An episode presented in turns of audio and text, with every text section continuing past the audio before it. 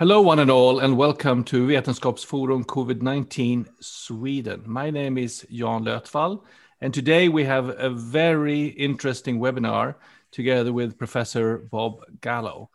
But first, I will introduce Peter Horal, who is an associate professor and virologist, clinically working hard now to sequence uh, different strains of uh, SARS CoV 2 virus uh, from Gothenburg in Sweden. And then we have um, Professor Emeritus uh, Anders Wallner, used to be at the Karolinska Institute, and uh, has many years of experience with, with viruses. Anders is going to be our chairperson today. So I hand over the word to Anders. Well, thank you very much, Jan. Um, just one correction. I'm still at the Karolinska Institute. That's fine. Anyway, um, it, it's uh, it's uh, my honor and pleasure to uh, welcome an old friend, uh, Professor uh, Robert C. Gallo, Charles Gallo, uh, Robert Charles Gallo, um, to this evening's um, webinar. And um, Bob, as we call him, is going to talk um, to us about SARS-CoV-2, but also about pandemics from HIV and on. Um, Dr. Gallo or Bob is um, probably the best known medical scientist in the world.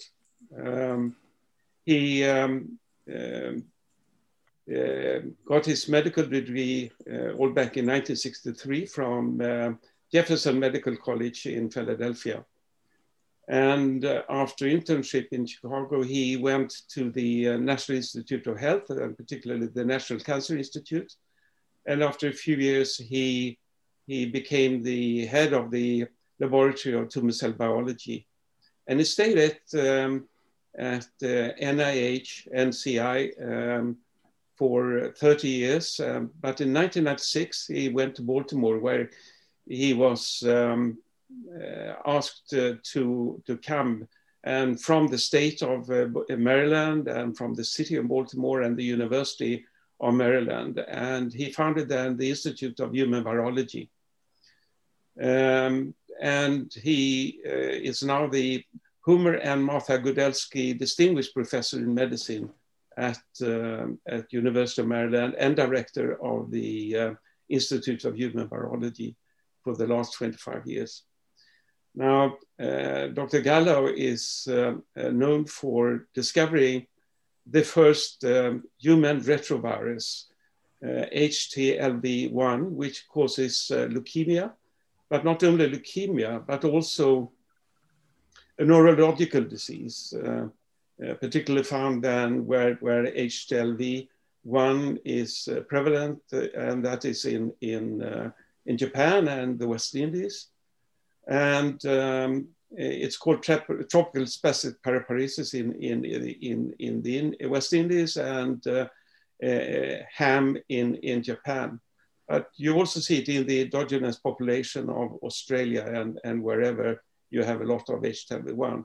He developed a, a, a blood test so that, uh, or, or a diagnostic test for HTLV1 so that uh, it wasn't passed on by blood transfusions or by, by uh, uh, breastfeeding. Um, so that was a very uh, important discovery. Before that, he dis discovered the first cytokine, which is today called IL-2, which is an important cytokine to culture T cells. And uh, he had to do that before he discovered HTLV1. But back in, in 19, early 1980s, uh, AIDS um, uh, uh, became an, uh, an infection or, or a disease rather. And nobody knew what it was all about. And um, Dr. Gallo and uh, Dr. Max Essex uh, uh, together uh, thought that it must be a human retrovirus. And nobody believed them, of course. But he, he, he told everybody that they should look for human retroviruses and he shared all the reagents that he had with everybody. And of course, the first one to to uh, to isolate the virus was uh, the the people at at, um, at the Pasteur Institute in Paris. Um, but they couldn't show that it actually was the cause of AIDS. And in 1984, in four papers, uh, Dr. Gallo uh, proved that um, this new uh, human retrovirus was the cause of AIDS. And he also uh, showed how to make a, a, diagnostic test, a blood test for this virus, and which has saved millions of people. So, um, and of course, uh, Dr. Gallo has received numerous uh, honorary doctorates, one from Karolinska Institute, but it's also amongst all types of uh, scientific prizes, he's won the Lasker Award twice in 1982 and 1986. And I think, uh, Bob, you're the only one who's actually won it twice. Anyway, it's, it's my, my honor and pleasure to. Uh, Jimmy Brenner came, uh, got a second one later. It used to be. It used to be. Okay. Anyway, get the GVN, GVN. And yes, and and also uh, uh Bob in in uh, 2011 uh, co-founded the Global Virus Network, and I'm proud to say that I was one of the co-signers of the original document in 2011 at the Italian embassy in in Washington for for the Karolinska Institute uh, Center of Excellence in in virology. Anyway, the floor is yours, Bob. It's it's a great honor to have you here. Well, just thank you very very much for very generous words, and uh, also it's a good opportunity to see Peter again and to meet Jan. So uh, I, I, I, appreciate you all being with you with me, and I thank you for this invitation, and thank everyone, the colleagues, for spending part of your evening uh, with me. I really um, you know, people are cautious about saying they have any likes or dislikes related to Sweden for one reason or another. but I have to say, I always enjoy colleagues uh, and friends uh, there and um, have amazingly great memories of past times uh, that I'll, I'll store uh, always. Um, I hope you're not going to mind that I will not use any slides at all. Instead, I'd like to discuss ideas and concepts, hypotheses, and frankly, even opinions. Since he said, I have the floor, that means I guess it's going to be my opinion. I'm going to try to attempt to try to search for general, general truths rather than being this talk being sort of reductionistic. Uh, I'd like to speak as if we are in a dinner conversation seated together. Speaking of dinner, I know that the appetite of Swedish scientists is insatiable for medical science and data. So I asked uh, Professor Anders to please schedule me right after you've had your dinner, when surely you'll have had enough food to eat, and I'll be freer. In fact, as we enter the topic of the COVID 19 pandemic, I think you're getting pounded daily by data and newspaper information. So I'm hoping that this kind of non reductionist talk or perspective will be of some interest. And before jumping to the current COVID 19 pan- pandemic, Anders uh, kindly mentioned that I'm going to talk a little bit about generalities with pandemics that I want to uh, share with you. Thoughts? Uh, maybe that too will be of some interest.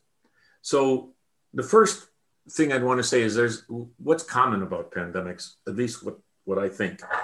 And the first thing I think that is in common is that in the past about 150 years, since I think around 1889, as far as I can, as far as I know, all are caused by RNA viruses. The first is the flu of 1889, then the flu again of 1918, 1919, then polio of the early 50s, then HIV of the early 80s, and then SARS coronavirus number two of 2019. If you note, there's something else in common there. They're all separated by about mm, a generation and a half. I don't know any meaning of that, but that is the case. There are also many epidemics in this period of time, and note that a great number of them, most of them, in fact, are also caused by RNA viruses like dengue, like chikungunya, like Zika, West Nile, Ebola, the first SARS and MERS. Everybody's aware that we also have endemic problems with infectious diseases. Endemic problems are more apt to be due to a more a greater diversity of microbes, not just RNA viruses, but even things like bacterial disease, like, like tuberculosis, which pops up all the time, malaria, of course, a parasite, new things, relatively new, like Lyme disease, which I think is rickettsial, uh, if my memory is right. I should have looked that up because I never did much or saw, I never did anything with Lyme disease and don't read much about it. What about another common factor? And I think another common factor is the origin of pandemics and epidemics. I think it can be said in one word change. Change in a virus.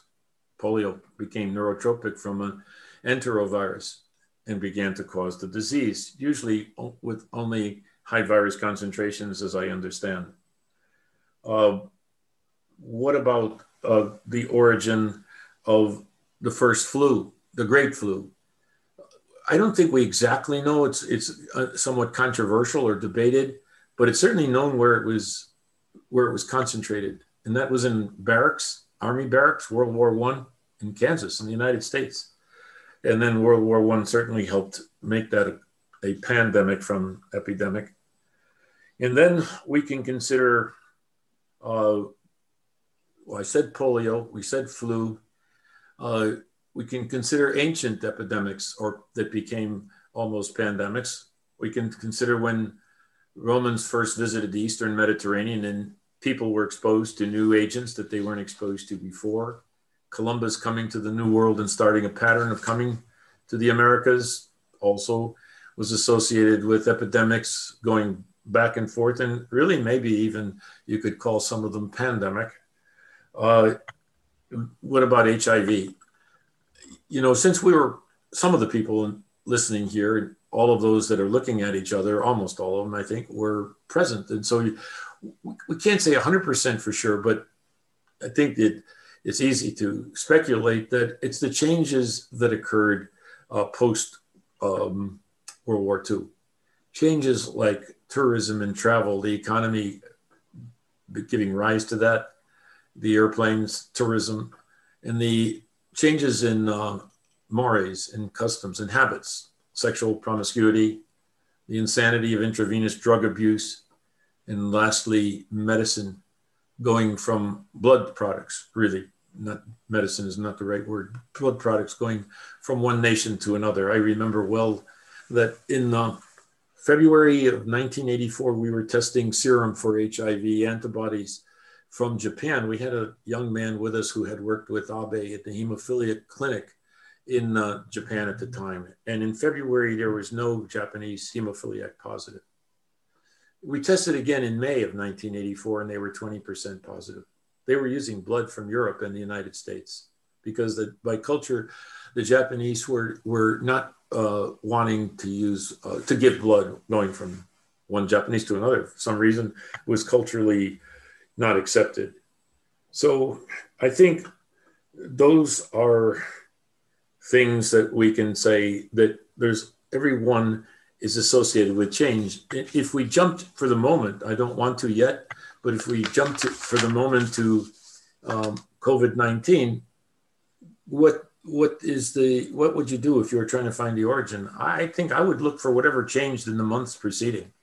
If i was going over there for who those would be the questions i would ask or the year or two preceding. What is the biggest change?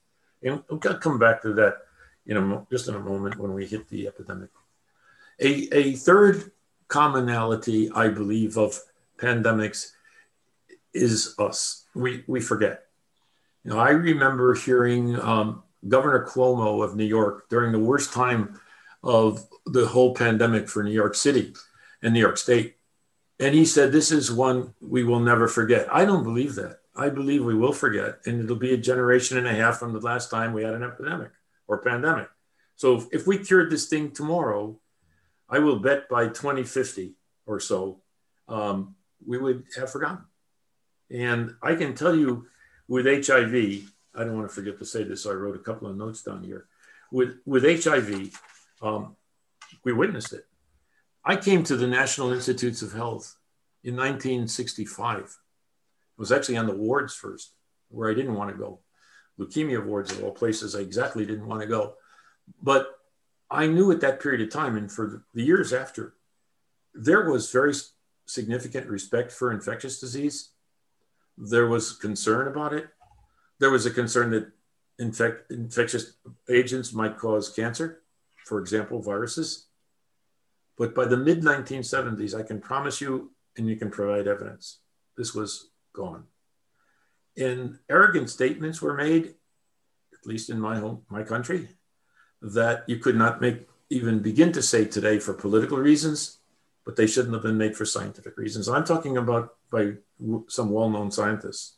We won't go there as to who, but it was said that oh, that's a problem for those people that work in tropical disease centers, not where money should be spent in scientific research. And it's a problem for those people over there, not for us here. That was widely said in 1975. Period.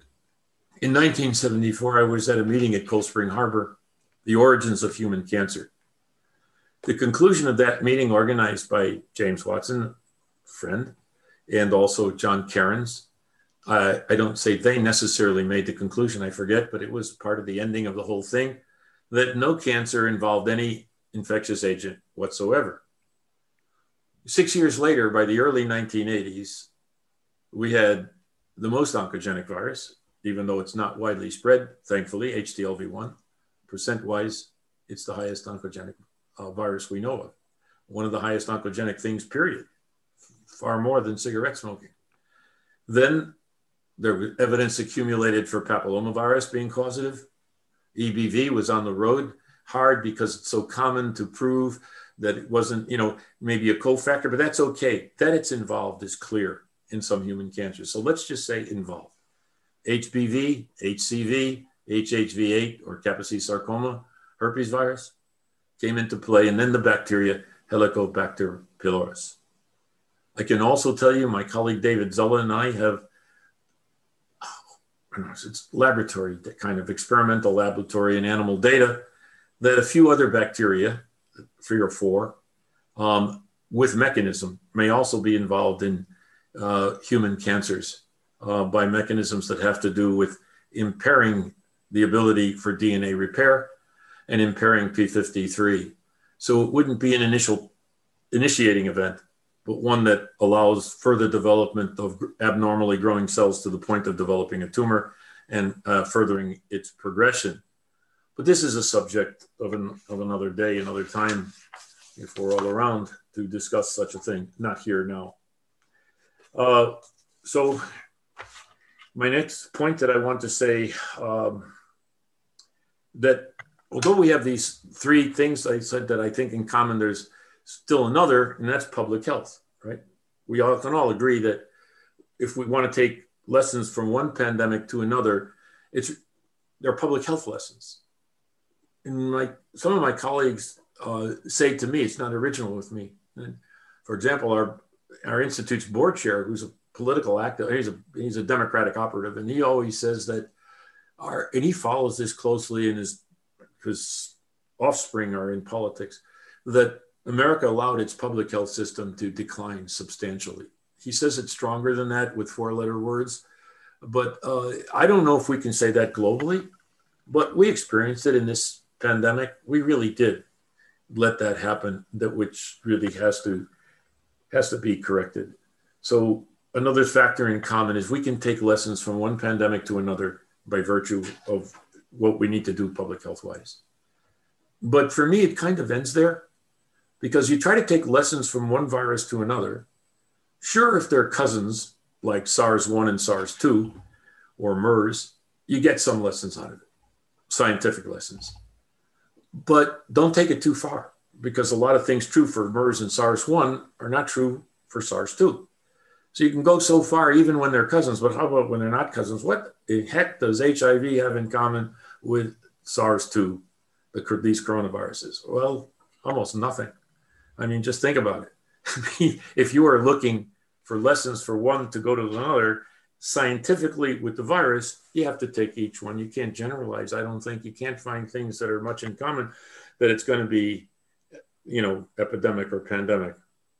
I try to approach uh, a new virus or a new disease in the following way.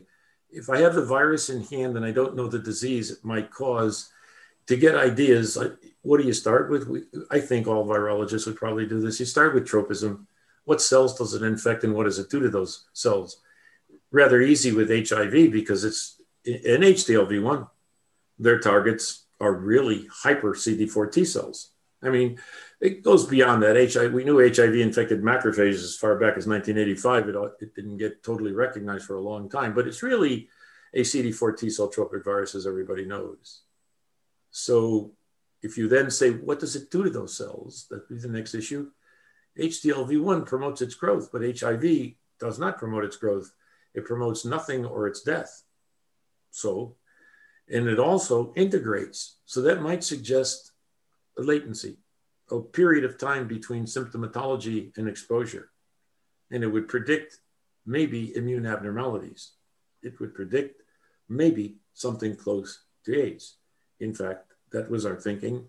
We did uh, think exactly that because of that approach. You could start um, with the disease. The converse is also true. You know, just think of it backwards, and you can go to think of uh, what kind of virus you'd be looking for. You're looking for a retrovirus. It, it, you know, they animal retroviruses and HTLV1 they infect T cells a lot.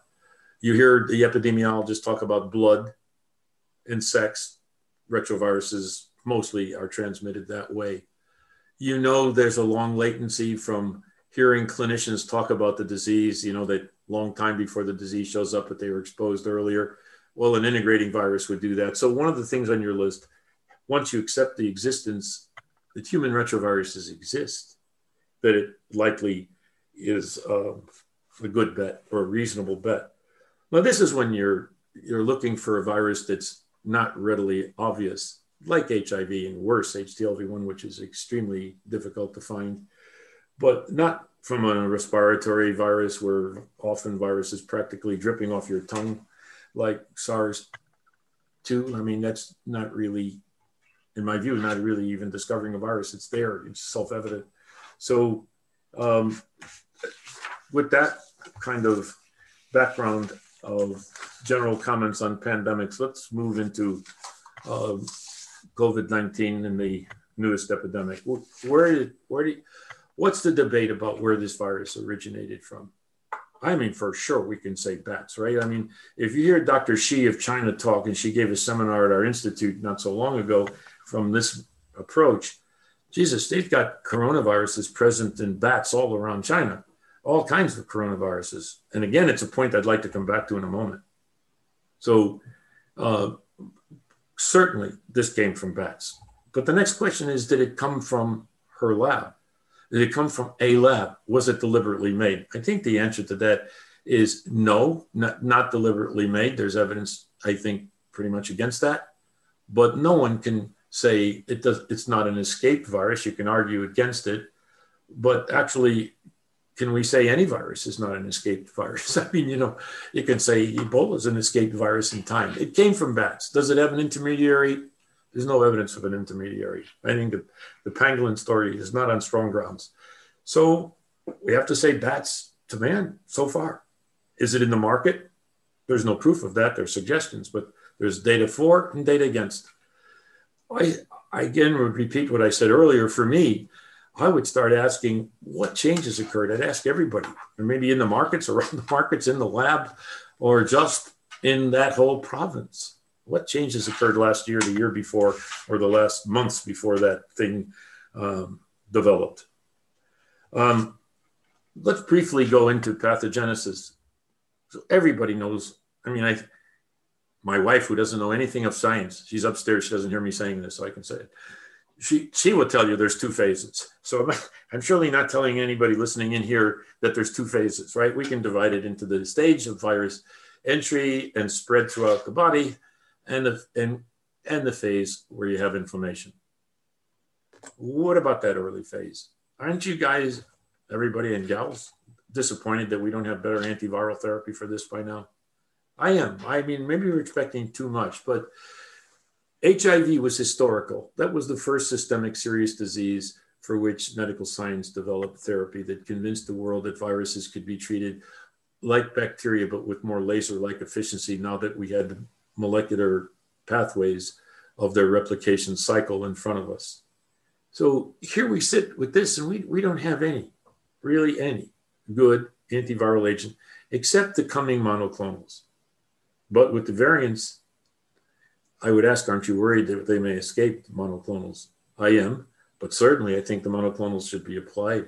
But I've been, been disappointed that in the whole world, we don't.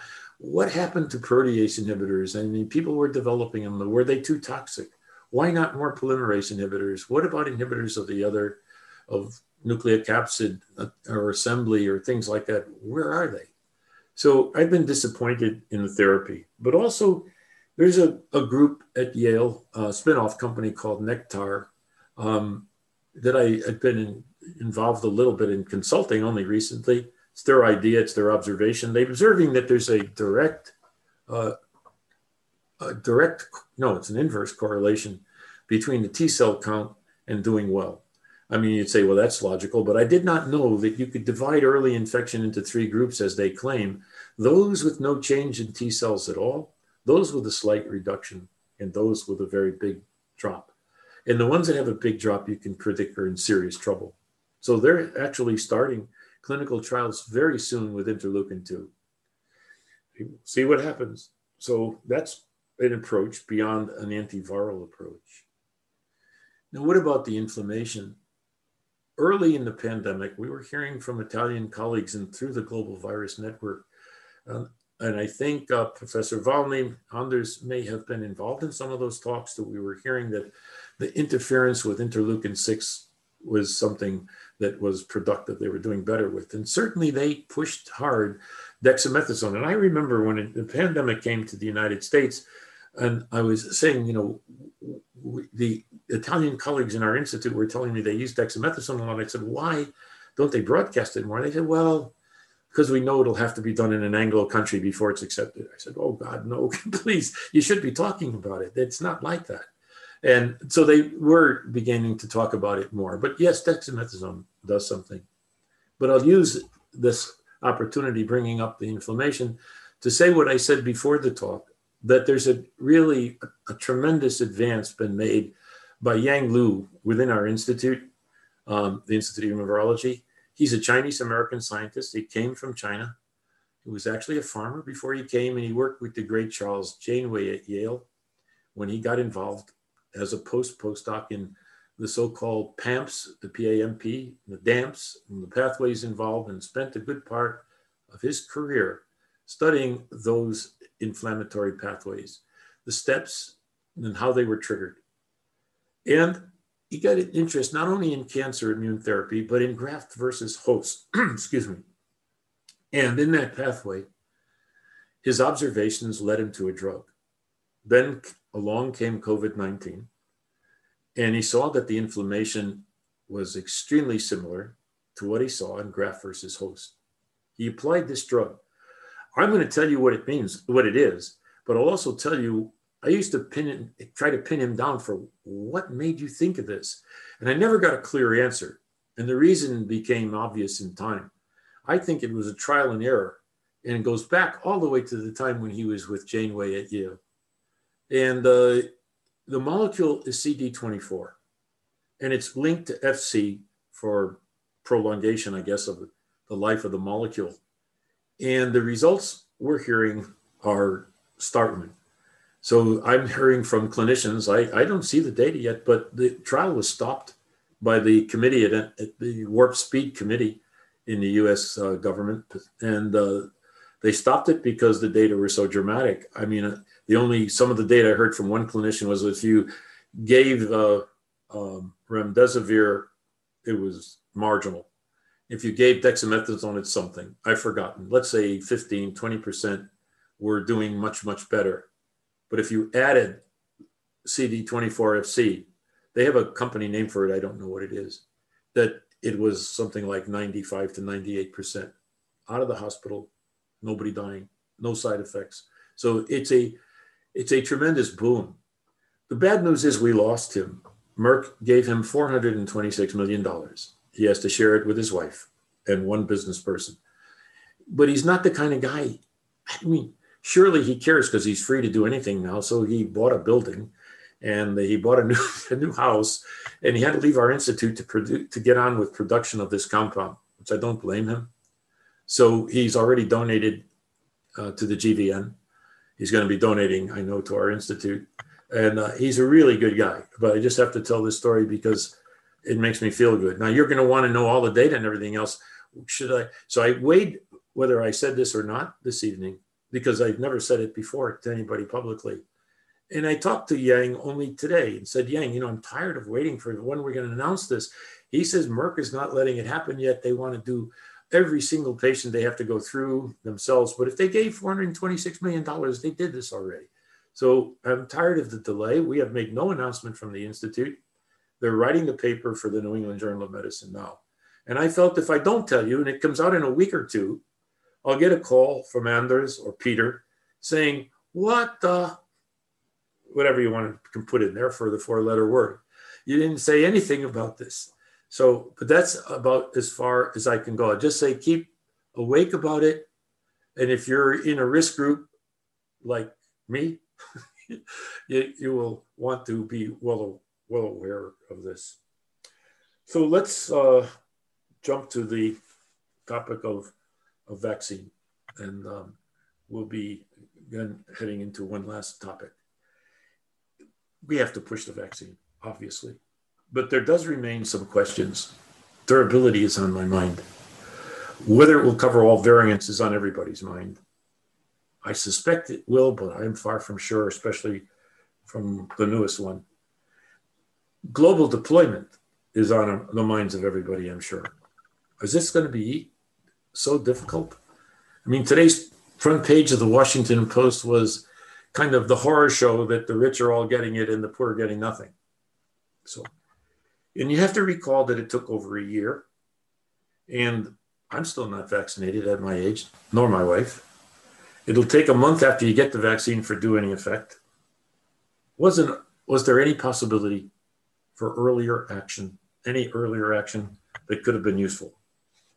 I would now like to turn to a discussion of which one year ago I barely knew existed innate immunity. Now, Anders and I, and I, I wish Peter too, and I wish all of you, Jan, would consider. I've had my second dose yesterday of MMR because I can't get OPV in the, in the United States, but most people would believe OPV is the best. And you'll see what I'm coming to. Maybe you should say what the MMR and OPV is. Oh, I'm sorry. Yes, OPV is oral polio vaccine. I soon, certainly soon will and MMR is measles, mumps, rubella.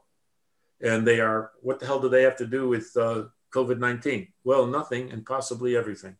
And I come to it in more detail. Not everything, but maybe something important. So, why is innate immunity important for SARS coronavirus 2? Um, well, in a simple sentence, it's, it's important for all respiratory virus infections and all infections as I began to think about, well, first let me tell you what made me think about it. I had no knowledge at all about it. I'm ashamed, actually. It really, I, published, I think, a few papers in my career when I was in my probably about 28 or 29 on interferon alpha, how it blocked mouse leukemia virus replication, what its me- molecular mechanism was. I had no idea other things that interferon did. And I really didn't even think of innate immunity. I didn't even know there was an innate immunity, honestly. But what turned my attention to it um, started with the sequence studies published by the Chinese and the recognition that the spike protein that everybody was going to make the vaccine targeting spike was all going to be almost all the same. I said, boy, you know, there's danger in everybody doing the same thing. But also, we noticed that the glycosylation pattern of the spike was very much like HIV, which is like Ebola, which is like flu. And what is that? heavily glycosylated with side chains that are heavily mannose containing. So what? Well, our experience with HIV spike protein or envelope GP120, uh, even bound to certain things like CD4 binding sites, which we do with the vaccine approach we have, you know, we got some good data in primates. It was actually a bit exciting, but it was good data when we challenged in week one, two, three, up to 10, let's say 8 to 10.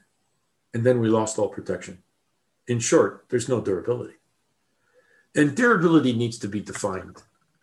to us in the Institute, and through lessons from Mark Slifka in Oregon, um, we kind of insist that there's a gamma phase of the antibody production, which means you got to be out for over a year or two. When we're when when you make six months, people are saying things are durable. That's not durability.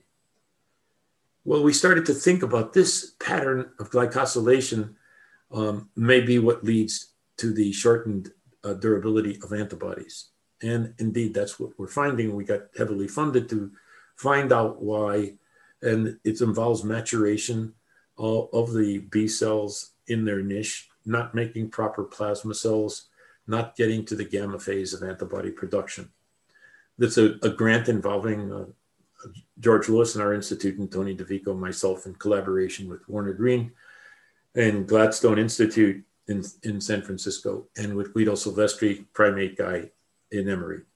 But it's been mainly our work on GP120 that drives this. And so we now think we're we're getting close. And by we, it's predominantly George Lewis, getting close to understanding the whys of it all, uh, how of it all, but I'm not sure we can correct it at all. That's where we are in the story. But when I saw that glycosylation pattern, and, and my colleague George did as well, we began having these conversations again. I said, this thing is not going to likely last. So I still have that worry. And then I read about the seasonal coronaviruses. And uh, you may be aware of the papers on the seasonal coronaviruses, the antibodies don't last less than six months, four to five months. It's just like HIV.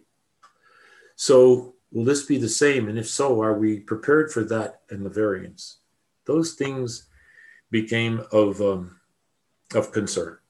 So that's that turned my attention to kind of other things. And then I went back to the sequence again and realized this thing has devoted a good part of his genetic information to avoiding innate immunity. Viruses don't like to give up genetic information readily, right? But then my collaborator at FDA, head of their vaccine uh, development basic uh, science area, Konstantin Chumakov, said, Bob, you're not so familiar with respiratory viruses. They all do this. And I said, that doesn't change anything, does it? It just makes it more important. It makes it all important for all respiratory viruses. Then I thought a little bit further about it. I said, when you reach,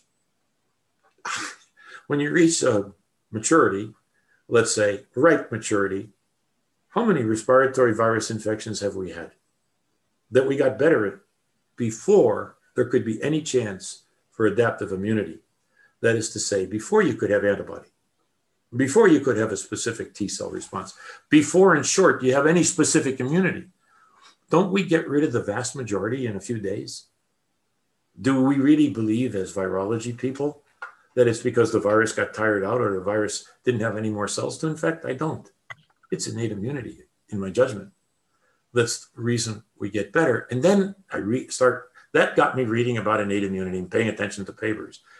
My God, 95% of all multicellular organisms have only innate immunity. I mean, it's only 5% of us that have also adaptive immunity. And then I read a little more. I read about bats. Bats, they all have coronaviruses. What do they do? They control them with. They don't get sick. They're one of the longest living mammals, despite their high metabolic rate. How do they do this? Is it antibody? Is it specific T cells? No. The correlation is that they all they are expressing. I shouldn't say all because it hasn't been done with all bats. Been done with a few species, but they express constitutively a low to modest, moderate amount of interferon type 1. Always. Doesn't have to be induced. And they express or release a low but consistent level of activated NK cells, natural killers. Both, as you know, are key to innate immunity. And then, of course, the interferon becomes external binds to its rece- to receptors and induces other kinds of antiviral immunity, the likes of which I, I have no, I don't under, I don't know. Maybe some, I'm sure somebody in the audience will know, but there are other antiviral mechanisms that we want to understand better. So those things uh, really were what made me want to know more about this. And then I heard somebody say, but we know with specific immunity, with antibodies, et cetera, we get very sick if we don't have it. Look at severe combined immune deficiency disease. It's true. And that we have mice that also, but those mice are alive when I look at them every day. And the boy that had severe combined immunodeficiency that I knew was the son of a director of the National Cancer Institute, he was also alive. I mean, he died of his disease, but he lived for a while too. Try living without innate immunity. I don't think we, we, we there are lesions, there are mutations of innate immunity I'm reading about. But by gosh, if you have a serious mutations of innate immunity, I think those are lethal. So I believe we should be paying much more attention to this. So I want to jump and see what I have left that I want to make sure I, I say something about. Uh, we talked about the bats, finished with that. Clinical studies. So now we go to clinical studies. The most impressive paper that I have read was Bali Pulendran at Stanford and his crew. They looked at all the genes, the genes expression and correlating with everybody they could see that was infected with their clinical course. And the, the, correlation, I wouldn't be talking about it if it wasn't with innate immunity. I don't think that was their interest at all, but that's what they found. If your innate immune genes are turned on, you do well. If they're not turned on with significance, you die or you do poorly. Simple. Conversely, men with autoantibodies, seems to be males, have autoantibodies sometimes to um, interferon type 1, they die. They don't do well. And people with mutations in interferon genes don't do well. So it goes both ways. Early therapy with interferon, I don't know those results. Somebody told me there's good results with therapy, but I just throw it out to you. I don't know them. If there is, let let me know about them. I appreciate it. Um, then on a GVN telephone call that we have periodically in the pandemic, earlier on, they were more frequent about every week and a half from people in different parts of the world where we would get information from China, from, from Lin Fa Wang in Singapore. And so we could see really what was going on earlier than our government was realizing. Um, we uh, were in contact with Konstantin Chumakov. Uh, he's a Russian, came to America, became employed by FDA. As I mentioned his name already, vaccine, uh, basic vaccine research uh, part of FDA. And I became closer to him because of the following. He told a story that nobody paid any attention to, including myself, maybe two years earlier at one of the GVN meetings. This time I listened intently and uh, tried to pick it up and push. Not everybody responded, but several did, including Anders here. Um, he told the story of his mother and father. His father was a great Russian virologist, Chumakov. Actually, uh, I think one of the greatest ever in Russia. But it was his mother who made the observation working with the father. And that was when they gave to adults vaccine of oral polio from Albert Sabin. He was the guy who did this, the trials with Albert Sabin in Russia that showed that polio could be prevented by vaccinating with a live attenuated virus. When they gave it for polio reasons, they found out that it was also the flu season. And what did they do? They knocked off flu as well. That is, the flu, this vaccine gave better protection than the flu vaccines did. The year was in the 70s, 1970s. So this is now thought to be archaic. Therefore, it doesn't count, but it does count. And it was re- about the same time or earlier, similar results in Singapore. You read more, there are more such results. However, there's politics. There are people at WHO who believe they're going to eradicate polio. They predicted it for the year 2000 and predicted it every four years or so. And they want to hide or get rid of any available oral polio.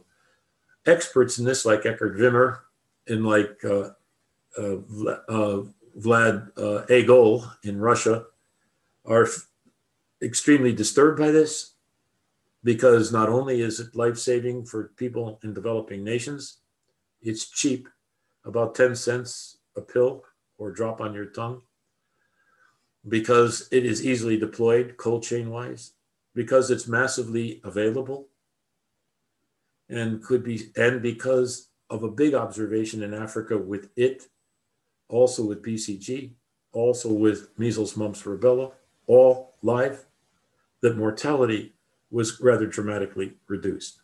Mihai Nate, Netea, pardon me, in Radboud University in Holland, originating from Romania, in his presentation to a GVN meeting on innate immunity, said that the reduction in mortality in Africa was over 60%.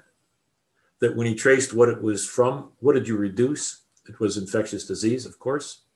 And if you then looked at what infectious disease, it was predominantly pneumonias, lower respiratory tract infection. Jesus, this is important.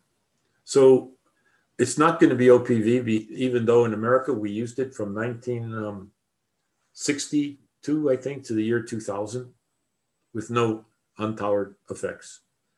Because the serotype 2 of OPV, oral polio vaccine, can lead to polio sometimes. It's about one in a million doses.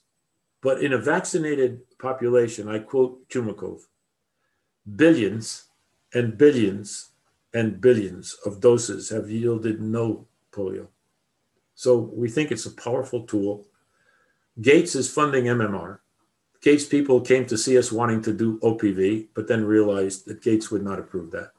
Because he's using a type 2 that he developed, serotype 2 of OPV, that doesn't revert, and he wants to get approved for what they want for, namely polio, before giving it out to anything else. But we were proposing to use one and three. I'm telling you all this because we tried to go forward in February. We got exciting enthusiasm from scientists, including review panels, but I was told at the highest level it was uh, not received uh, well. So that's what happened to it. I then have been also thinking about, we're not done with that, and we are moving to MMR, but I've also been thinking about therapeutic use, which would be likely, at least in many parts of the world, tolerable. And as preventive, it would be tolerable and uh, in a lot of the develop, and almost all developing nations. And, and Israel was using it until very recently, I know. What about therapy? Think about it. It's going to do nothing but possibly bad for the inflammatory stage. What about early? You're stimulating innate immunity. It's like having a chronic, modest level of interferon alpha. If you did this like my colleague at our institute, Dave Wilkins, got infected, he knew exactly when because he was tested because his son was infected and he was negative, and three days later he was positive.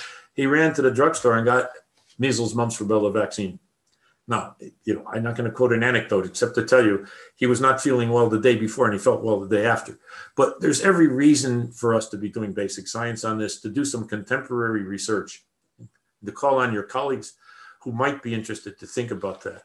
We need publications in the modern era because people don't want to accept the publications of a long time ago. And there are people doing great things in it. And I mentioned Netea, he's one of them. And there is this, uh, the Scandinavian lady, Christine Stabell Benn, who's doing clinical trials, has done some of the important African work. So I've come to the end of the talk, and I want to give you my conclusions after this experience with the innate immune business is that this is an extremely important but underappreciated, understudied, and vastly undernourished field. My second is not really a conclusion, but more speculative. I believe if we had acted aggressively back in February, when we tried going forward, if we had succeeded in using these approaches globally, we might have well broken the back of this pandemic months ago. In organizing the future, I propose that we strongly consider having live attenuated virus vaccines or bacteria, but virus I think would be better, available and to exploit them.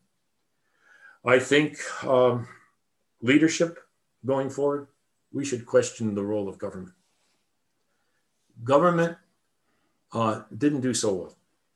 And we need them for funding. We need government also for oversight, for making sure no one's doing bad things. But do we need them as our scientists leadership with their with a little crew of advisors only? What happened? What would happen if we used our last president as the government as the government for the world? A pandemic means all. We have to do things for everybody. What would happen if we used the head of Japan or China or Sweden or England? I would say get us private organizations. How about the GVN working in concert with WHO? You have to have an administrative thing government support, government oversight, and some other private organizations like um, Gates and CEPI. That's what I, I, I think. Now, the, I, I close with one comment or two comments about the GVN. Its purpose is to help training young virologists for the future so that we're not left with chance. To have experts in every kind of virus throughout the world connected so that there can be available for not just advocacy or training of people, but for advice and planning. Funding has been a problem, but now we are for the first time in a reasonable position. From donations from board members and from a recent gift by my colleague that I mentioned to you, Yang Lu, of his million dollars, and he's not for. So we need, I think international scientists, I hope through the GVN, will come together and be far more assertive, aggressive, and talkative than we have been in this pandemic. I think we've been too laid back, quiet, and letting governments too much kind of run the show. That may be a dangerous um, maneuver, but I think it's a worthwhile one. I really thank you for. Um, I, I probably caused you indigestion or whatever, whatever. But I, I hope um, it was worthwhile, some while anyway. Thank you. Thanks. I can't hear you, so that clap. yeah. Thank you. Thank you, man. Yeah. yeah, that's better. Yeah. Thanks. Yeah. Thanks very much. I mean, I, it, you know, I know I took the whole time. So, or did I? No. I we can continue.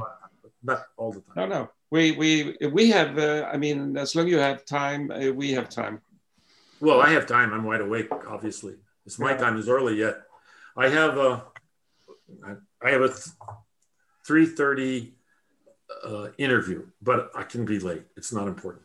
Yeah.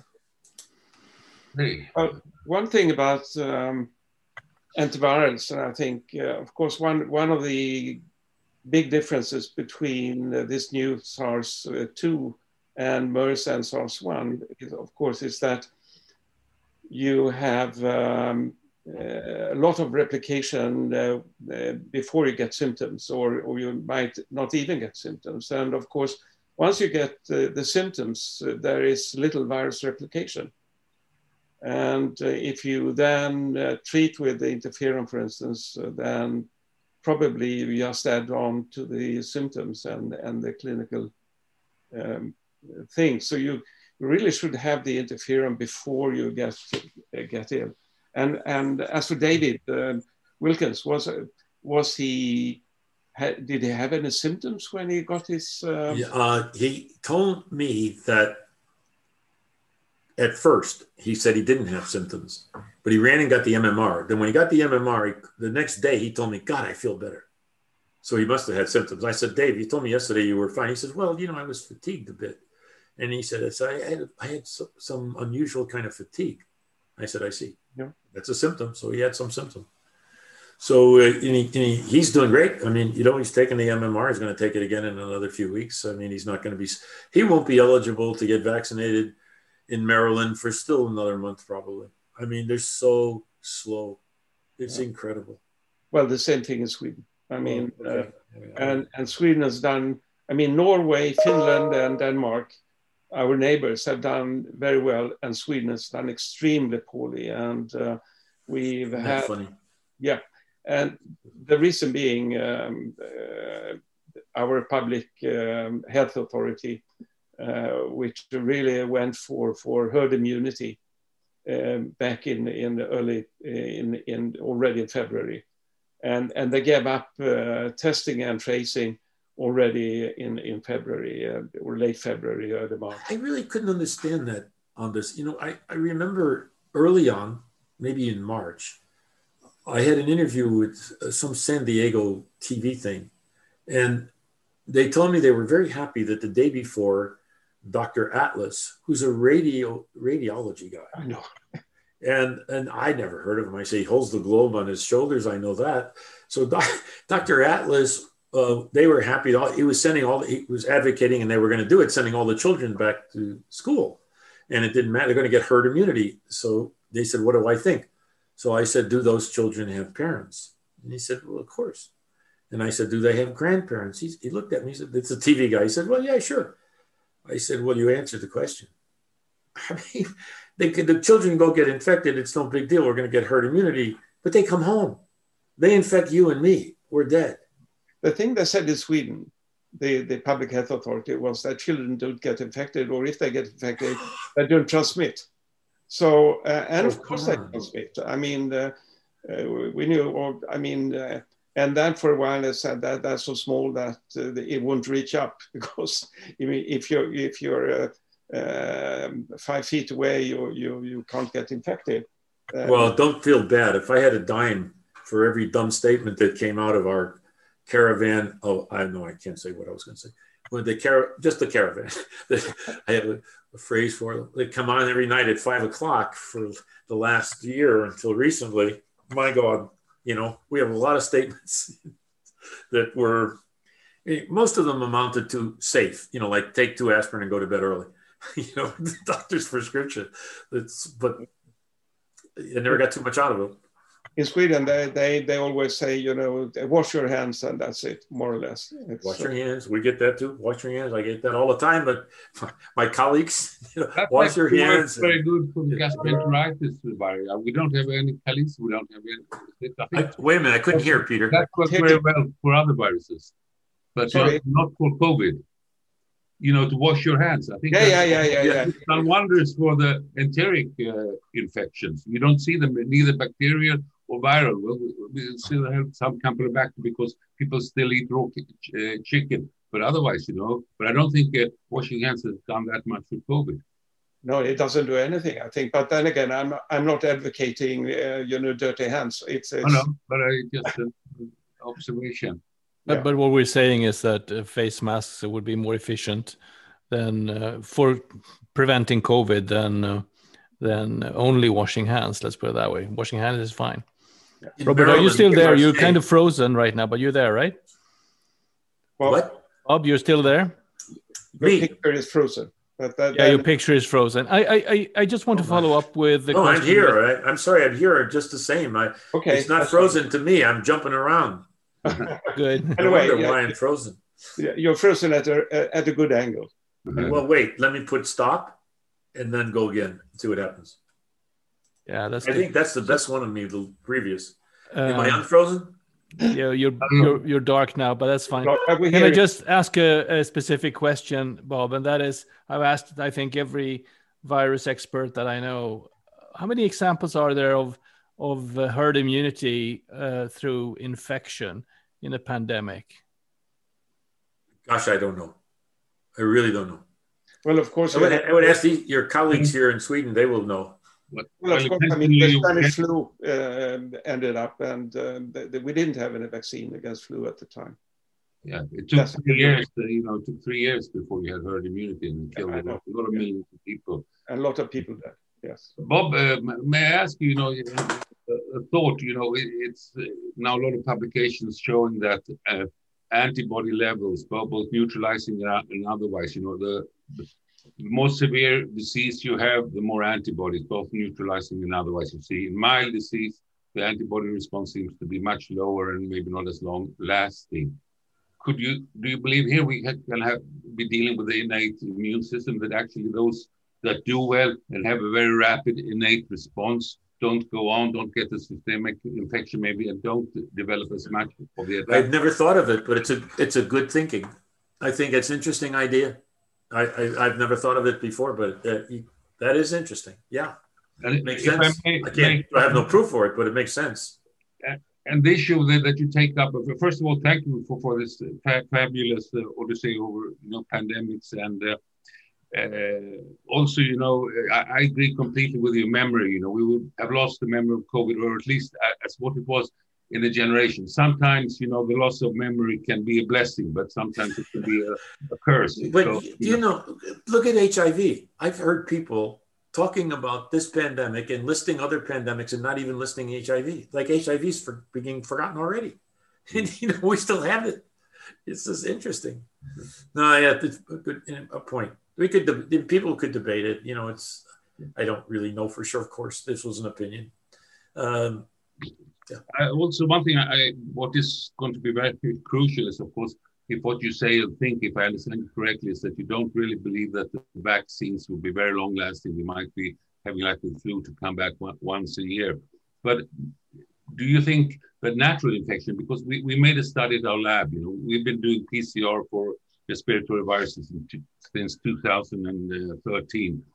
And out of the uh, 2,000 samples that had uh, seasonal corona, we found 40 which had been positive more than once, you know, over, over this period. But only six of those had had the same corona, and five of those were children severely ill of other reasons and under immunosuppression. And to me, at least, that shows that natural infection, uh, coronavirus infection, probably gives you a decent and long, reasonably long-lasting immune response. It says nothing about the vaccines, of course.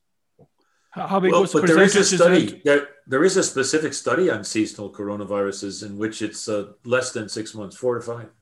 They, yeah, they, from, from the Netherlands. A thorough study. Yeah, yeah from the Netherlands. yeah. But we, we don't uh, but don't, Peter, Peter, could you could you explain more exactly? So, how many PCRs did you do, and how many uh, infections did you see? I'll, I'll, have a quick look that I get the numbers right here. That I don't say something that I. But if if you think about it, the second wave, you know, maybe two percent are infected. Bro. In this seven, this was from 2013 to February 2020. All in all, we're 2,000 cases okay. of seasonal corona. And of course, as soon as we had one, we started looking did they during this period have any other coronavirus? And yes, indeed, 40, we found 40 individuals who had had during this period two corona. But out of these, only six had the same corona strain. And maybe out, those coronas don't come back. And out of these six, five were severely immunosuppressed children. Peter, but how do you know that? How do you know the original coronavirus just didn't come back? Yeah, that of course, that is of course that could be that you know the the, the come back every five years or something like that, or every three years, the same. So yeah. obviously, this is not this is not a proof in no way, you know, uh, that that there is a long lasting. But uh, what will eventually happen with this virus? Will it become like this seasonal a children's disease, and then when we get it again as elderly, we will get it the light light version? Well, what do you think, Bob? Oh, I don't, you know, uh, yeah, Peter, like you guys, I get the, that question, those kind of questions, and generally speaking, my best answer is I don't know. I, I really, I mean, you can say, "What do you think? What do you guess?" Is a better term for it. What do I guess? Mm-hmm. I would guess get on top of it, and probably, I think the antibodies will wane. But I, I I'll send you the, the I'll dig out if I can dig out. I'll send you that paper. Do you think we can? If the antibodies wane, you know, or if the mutant, I worry about these some of the mutants. I mean, if they escape, Jesus. Yeah. Do you, know, think that, the uh, multivalent uh, uh, vaccine could help long term? So something that beats all coronaviruses. That would be nice. Sure, that's a good. That's a good. Um, good thing to think about. And I think again, though, if I had a new, what if you had, if I saw a new respiratory virus, maybe it doesn't have to be respiratory, but a respiratory virus, let's say, again, come brand new and hits the, and we don't have anything I would I would really be much more aggressive in arguing that for Christ's sake, use a safe innate immune stimulator until you get a specific vaccine.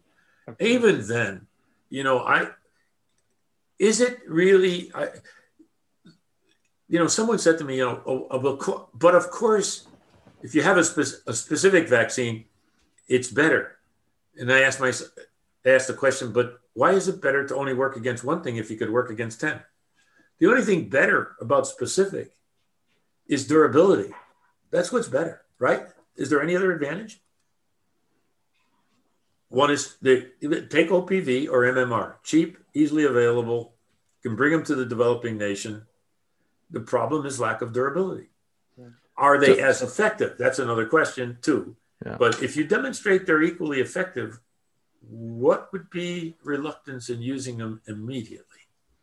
So I, I, I heard that Cuba was uh, uh, immunizing their more or less the whole population with outer membrane vesicles from bacteria, exactly for the purpose that you mentioned to induce innate immunity.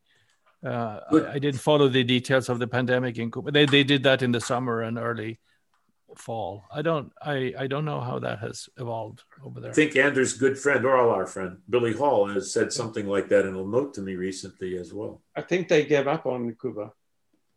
Oh, all right. Yeah.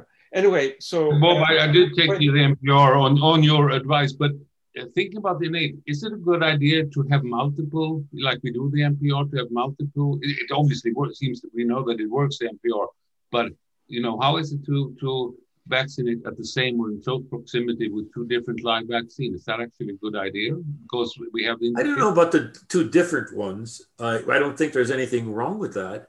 And everybody that I've spoken to and thinking about it, would the is the data of uh, Mihai Netea again, this guy in uh, Holland, is that the you know if you get boosted again, it only makes things better you know, he's got some aspect of the mechanism of it. I don't know if you know, they, they did trained innate immunity. He's the one really doing, I think, the most important work on trained innate immunity, at least that I am aware of.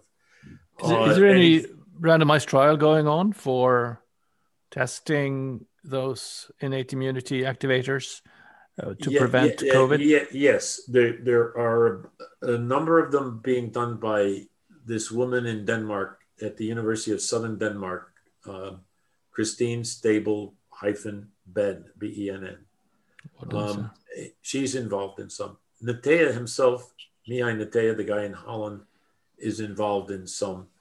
We were unable to get going with OPV, but we have, it's not us that has, but we have contacts with, close contacts with a trial being done in India. If those are positive, that will make noise. If those are clear cut positive, it'll make noise. We so, tried with, with the live influenza and AstraZeneca, but that didn't work out either. Well, yeah, the AstraZeneca with the intranasal um, vaccine is, is live. We talked to them. We were able to get to, you know, you helped us get to the right people, and uh, we just told them about it, and you know, they were helpful in in advising ways we could go. We didn't go those ways, just lack of funding, etc. We would need data mainly from them. I don't think they're ready to get deeply involved in that. They have their own fish to fry right now, right? Yeah. You know, they have a pathway, and companies don't like to to change on the on a pathway. Do, do you have any suggestion which which parts of the innate immunity are important? Which TLRs do you think are important? If it's yeah. uh, well, interferon you know, responsive elements yeah. that are important, and and or so on. Yeah, because you know that the, the, the let's just take take the lesson from the from SARS-2 genome. It's targeting TLR3 and 7. It's trying to incapacitate their ability to respond. Because but AstraZeneca had a, a TLR7 activator, I believe, uh, in the pipeline to try to prevent asthma or something like that. I would take it. I mean, if it's not harmful drug, I would take it. Asthma? I think that's that's rational from what we, we see. I mean, that's what the that's what the virus is trying to knock out. Three and seven. That's with, with some specificity. So that's telling you that must be important, right? Yeah. I, I, guess. But go back to the trained innate immunity. Um, what Netea says is that it's a acetylation methylation uh, thing. That when you, uh, as you know, the the the histone repression, then you acetylate, it allows it to express, so the DNA is open. And he said, what's happening is that it's not completely um, deacetylated and demethylated. And he said, think of it like a book that you're reading, and then you leave a bookmark. So the next time you open quicker and more definitively. And his his statement is taking more than one and getting boosted again and again is only good, not bad you do better and better. The innate response will be deeper and longer lasting. So, and it would only be good for the specific vaccine. So you're not harming the specific vaccine. The problem is you if you tell the trial person that you did that within two weeks, they don't want to give you the vaccine because they want their data clean. Right? I'm I'm off for my third uh, MMR shot uh, next week. I can tell you. Well, you're ahead of me by about two to three weeks as ever. anyway, I'm not a skeptic, but I but I'm curious. How, how often should we take it? Every it seems Bob you say. I, you know that that's another good question. With BCG, it seems to last longer. He says it goes out to six months. He, Yeah, he's measured. That's not that's not a nice vaccine. To, I, that's not. no, a I know. We don't want to even think about it. He wants to go to OPV himself. I mean, that's what he NPR wants to study now. I would say, well, I'll say what he says. He guesses, Chumakov guesses two months max. Also, yellow fever is not that you know they- they have a problem also if you then actually happen to get yellow fever. Some people have an, an antibody enhancement, you know. So I don't know if probably today, and we of course in Sweden we don't have the oral polio vaccine. We have the uh, the chickenpox. We have the that is given to That, children. that, But not the one for shingles, shingles. live Not the shingles is fine. not the shingles vaccine. That's not live. But the one for children for No, no, no. Shingles is live. There's a live and a dead one. Merck produces Yeah, the dead yeah, one. yeah, yeah. And it's a painful one. So there's live. I took live. In- once in upon a time. I did too. Live Yeah. one is given to children. Look, the choices we have available to us are live shingles, yeah.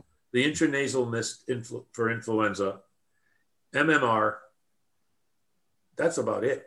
I mean, um, So We I, I have one question. from the audience. Um, and Yeah, that- we have some questions from the audience, but before we go there, I just have one question regarding innate immunity activation, as you suggest, and whether it increases the effect uh, on, on memory um, immunity in an infection or vaccine. Could it uh, help the vaccine, or would it attenuate the effect of a vaccine? no, the evidence, the, yeah, well, I wondered the same thing. I had no idea. yeah, But Yeah. uh, when I talked to Chumakov, when I talked to Netea, who've been around this field for a while, said, no, no, it'll just make it better. You always get innate immunity before you get it. Why are they using adjuvants? This is just a better adjuvant and longer lasting.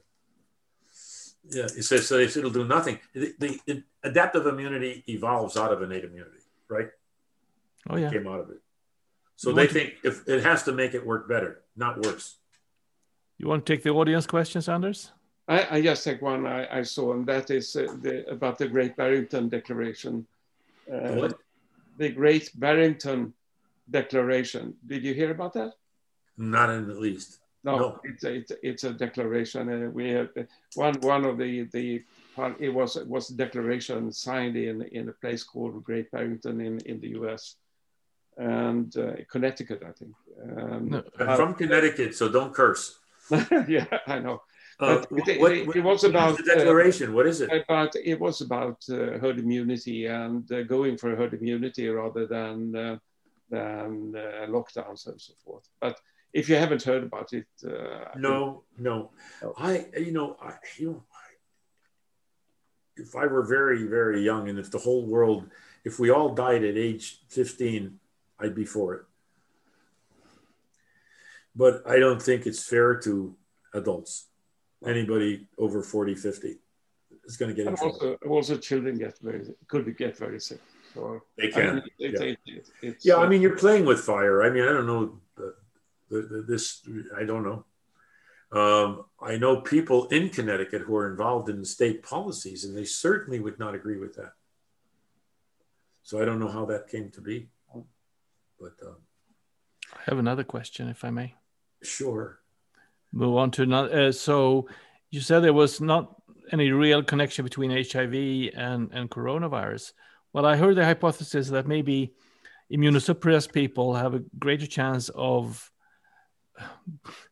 having virus mutate inside of them and spread new versions of the virus. And the South African, potentially the South African mutant could depend on relatively immunosuppressed um, HIV infected individuals in, in, in South Africa.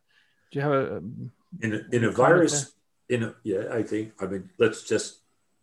because they have I'm sure infection longer, they have more virus growing, right? I, no, I understand it. I understand Yeah. the question perfectly, but let's think about it together. Um, because I mean, I've not thought about it before, but think about it together. If a virus is spreading naturally, infecting a million people, millions of people, doesn't it have enough chance to make every possible recombinant deletion and, mut- and mutation from unfaithful copying, uh, as if a person allows more replication in, an, in a rare individual or an unusual individual? Yeah, there'll be more virus replication. There'll be lack of immune response, but in the pop, so much viral replication going on worldwide, I don't think that something necessarily novel is going to come up in an immune suppressed person. So for me, I wouldn't worry about that too much. I mean, I don't. It's the same. It's very very much the same. The South African and the Brazil mutation. So one wonders, uh, did it uh, develop uh, at both places, or or was it uh, transmitted from one place to the other? No, I think it, these are independent. Yeah, and then they will develop. They will come up um, everywhere. There's uh, lots of virus infection, I suppose. Are you going to argue because Brazil and South Africa have a lot of HIV? Yeah, that too, of course. But otherwise, I mean, they, they, in, in Brazil they have a lot of virus, and I suppose this. I mean, America, the U.S. With the 25 million uh, cases, and um, I, I'm you probably will get that uh, mutant uh, spontaneously there as well. And there, there's there's said to be one mutant in Los Angeles County that explains the boost, the the growth of the virus in in Los Angeles. I'm not sure you've heard of that, guys, but uh, no. So I, I mean, don't. you know, people reach those conclusions a little bit rapidly. You know, you do need uh, significant results. I think this was people from Cedar Sinai. They were serious people. So, I see. Yeah, sequencer. There, there, there are some questions from. We are also broadcasting this through Facebook, and and we have Leonard Engström here asking whether there's any use for interleukin 6 inhibitor, interleukin 17 inhibitor, or interleukin 23 blockers uh, in the treatment of acute uh, COVID 19. I would say yes. I don't know about 23 so much because I don't know much about 23. Mm-hmm. You know, I, I, I learned to start stop counting after 20. it's just getting a little much. No, I, but yes, I think the targeting interleukin 6 has been done, has been done, and been done with positive results. And 17 would make sense. Yes. And there's another question regarding the vaccines. Uh, we, we, in principle, we have the Moderna, we have the the Pfizer and we have the AstraZeneca. Uh, and, and the question from Anne Marie Eriksson here is whether they are safe. Um, what you know, there. I guess we should balance efficacy and yeah, and safety. of course. They, they, these are they're not perfect. I mean, there are over thirty cases we know about in the United States of anaphylaxis. Right, thirty cases is not none. It's something, but you know, the amount of people vaccinated are is now pretty large. So yes, it can be not safe. You can get anaphylaxis if you're allergic to something. If they think in the case of Moderna, it might be the oil that it's in. So um, I mean, that this is a problem with any anything you inject in yourself, right? Mm-hmm. So, but it's rare. We can say it's rare, but it's more common than I thought. I thought there were a few cases of anaphylaxis, but yesterday I was talking to some people at NIH to keep track of this. I said it's over 30. No, I said, oh, it's not so so small, but it's still mm-hmm. very unusual. Yeah, and, and Charlotta Bond is asking, how about bacterial vaccines, pneumonia vaccine, or meningitis vaccine, perhaps? You mean for live attenuated? For activating for activating the innate immunity. No, we I have a pneumonia those... vaccine here is not live. I don't think, right? They have to be live. They to be if they're live, the answer is yes but I don't know that there's no a priori reason I could think of to say that the virus that it must be a virus that's live attenuated. It, BCG also has effect. So any live bacterial vaccine in theory could be as effective. However, when you think about it, there's a lot of data. If we could only use OPV, there's a lot of data with OPV from old days, and it's it's a safe vaccine mm. and cheap and it's available. I mean, you know, two drops on your tongue and you're done. So you can go around with a pill in your pocket or a little dropper in your pocket and take it when you want it.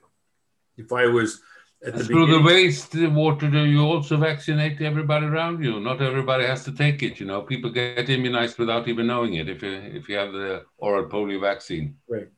Well, once again, though, in a vaccinated population, if you are vaccinated against polio, there's not one complication been reported with OPV.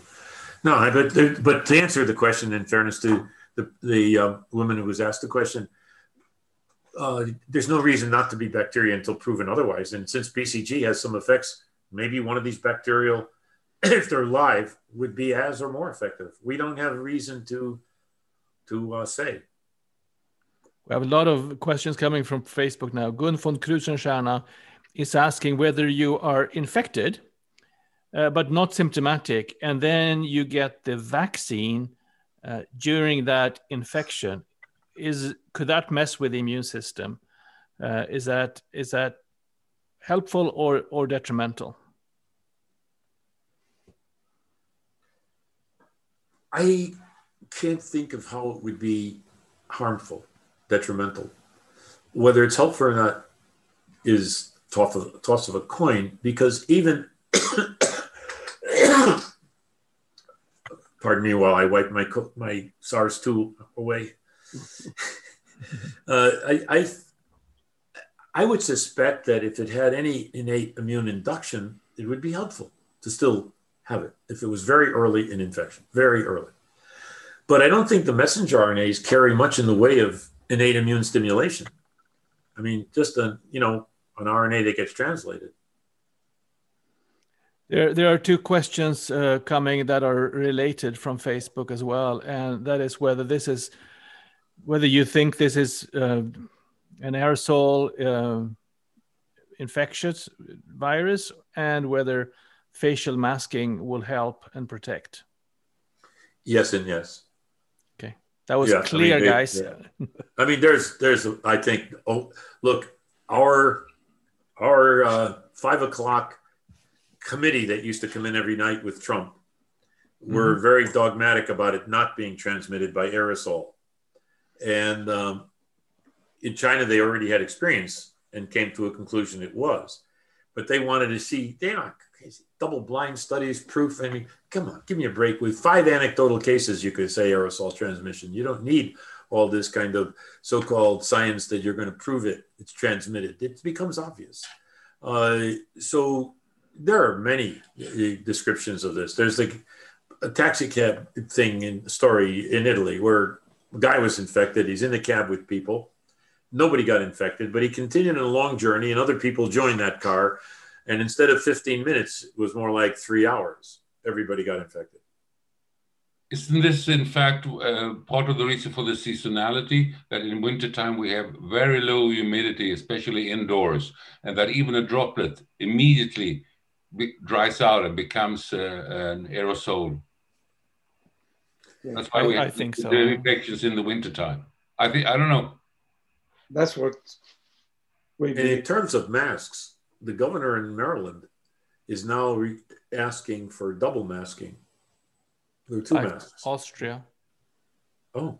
I'll, I'll be honest. I use two masks as well when we go to the shops and we go, enter the shops for like 10 minutes 15 minutes and i'll be even more, more honest i don't go to the shops yeah we use something called fresh direct i order it and it's delivered to the house do you think uh, the infection can be transmitted by food i don't think so but it's been discussed I, right? I, I, the answer is i don't know but i don't i'm with you i don't think so it doesn't make mm-hmm. sense that it's going to be transmitted easily by food or not easily not period not transmitted by food i don't think so no I have to admit, it's become a habit of me when I take the newspaper in the morning that the cover of the newspaper, which is plastic, when I take it off and throw it away, I immediately then wash my hands. And I, and I wonder why I, I don't have any problem with the newspaper itself. But you know, it doesn't make much sense in a way. But uh, in other words, I'm afraid of the guy who's delivering the paper rather than the guy who's put the paper together. And I have no reason to believe that. But it's easy to do. So that's when I wash my hands in the morning after I get the newspaper and take off the plastic. So we have some we have some additional questions here, and one a few of them come down to one thing, and that is what is the advice to the world to stop this pandemic? If if I would like to ask you, Robert, and I'd like love to have Tony Fauci on the channel as well. Ask him the same question: What should the world do to to collaborate to stop this pandemic at this stage? Yeah, well, Tony's not going to tell you about the world collaborating, you know, and, and he's gonna, that's failing, right? a different story. Yeah, and he's not going to talk so much of the science of it. So I would say I ended the talk with what I think the global virus network and things like it need to group together and be more aggressive. We need to work together as scientists. Getting more specific, I made the comment that I think we should we, should exploit intelligently the use of these innate immune stimulators. Other than that, we've got to hope like hell and, and do everything possible that the current vaccines are working, that people are taking them, and that uh, we guard ourselves against these variants. If the variants occur, it is the obligation of the people making the vaccines to have them tested in animal and not just in culture to see if they're still protective. And if they're not, to get immediately working on covering that variant with vaccine. If they're going to stay with the spike, then the spike of the variant. Uh, Will the mRNA vaccines have to be tested fully from the beginning, like the first version, or could they be deployed quicker after safety? Um, I would think that a. after safety, they should be deployed immediately. Yes. Mm. Right. I see no reason that they have to go through everything again. No, I think even the safety would be relatively short term. I can't believe that a minor variation in the in the in the spike is going to change safety uh, of the vaccine per se. So those are things. And then yes, I think we have to be forceful about the masks. I hate them. I mean, I don't like them as much as a lot of people, but I don't think we have a choice. You have to wear the mask, and you have to. We have to be cautious as can be. I don't believe in the concept of herd immunity. Yeah, does it ever occur? Of course it occurs, but you know, I'm not convinced if everybody's having antibodies that we're all going to be protected anyway. I don't know that. And um, getting naturally infected, does it protect you from reinfection? I guess the data suggests so far that it's consistent with being protected because very few reinfections have occurred, right? Mm. Small number. So it looks like that's reasonable, but it's too dangerous. So um, doing what we're doing now, but with more vigor, patience, and making sure the damn vaccines are taken and that we watch the variants. And if they're not durable, we have to put our thinking caps on. Any last questions and take home messages from our panels? Start with Peter. All right. Or start with Anders, maybe. Oh, yes, I'm mute. Uh, no, I think it's been, uh, you know, thank you again, Bob. It's re really enlightening. And um, uh, you know these pandemics they're going to be with us the big question is what what uh, which will be the next virus and you're not allowed to say influenza but you know we can think about it what's going to be next and we, we sort of almost forgot about pandemics because we said before in, in a century you have three pandemics but then there was so long really unless you count the swine and, and of course hiv but that was not really pandemic in the classic sense we sort of forgot and thought that you know pandemics were not not nothing to worry about. And now, no. and the question which which is going to be the next one, and how X. are we going to be? It'll be X. we prepare for it. and I would say that uh, I agree with Bob. Uh, I think that uh, all countries should stock with uh, oral polio vaccine, and uh, the minute you uh, you hear of a new possible pandemic, everybody should take it. Look, for me, for me, I thought the army would jump on it because if I'm if I'm running a group of soldiers and they have to go into foreign places all the time, why not have it as part of their gear? You know, you know that a new epidemic appeared in a region, and you have to go to that region, pop, pop the pill, and that, that could be, you know, MMR you have to inject, OPV, bingo, just a little pill but there's a problem with some WHO people regarding this. That this is a headache. There may be others. There may be others that would be totally acceptable that we got to think about. I don't know about things like rotaviruses, echoviruses, where you may be able to do something with things like that that are innocuous viruses, or maybe even the seasonal corona. We have to think this way now a bit, yeah. and it has to be something novel. Yeah. So By the way, I also was enlightened by you guys. Thank you. I mean, yeah. uh, before we end and before Anders finalize this this meeting, I want to, to ask all the audience to please become members of uh, Vetenskapsforum COVID-19, uh, vetcov19.se. Um, we really appreciate your participation in in the community. And I, I ask Anders to uh, please summarize and and thank Bob. Well, thank you very much, Bob. It's uh, always a pleasure to hear you, and it's uh, fun seeing you again, although I can't see you right now. Same for me. I hope we'll be together before another year goes by. I hope so. Okay, and I hope um, that uh, this will be over uh, soon so that um, uh, this summer we can start traveling again and um, Great. have Great. meetings um, in the late summer. Great. So, uh-oh, that's Oh. just on time. That's going to be the guy from. Uh, That's a good signal. Thank you, everyone. Thanks a lot. Okay. I Bye better now. take it. Thank Thank, you. you. Bye. Bye bye.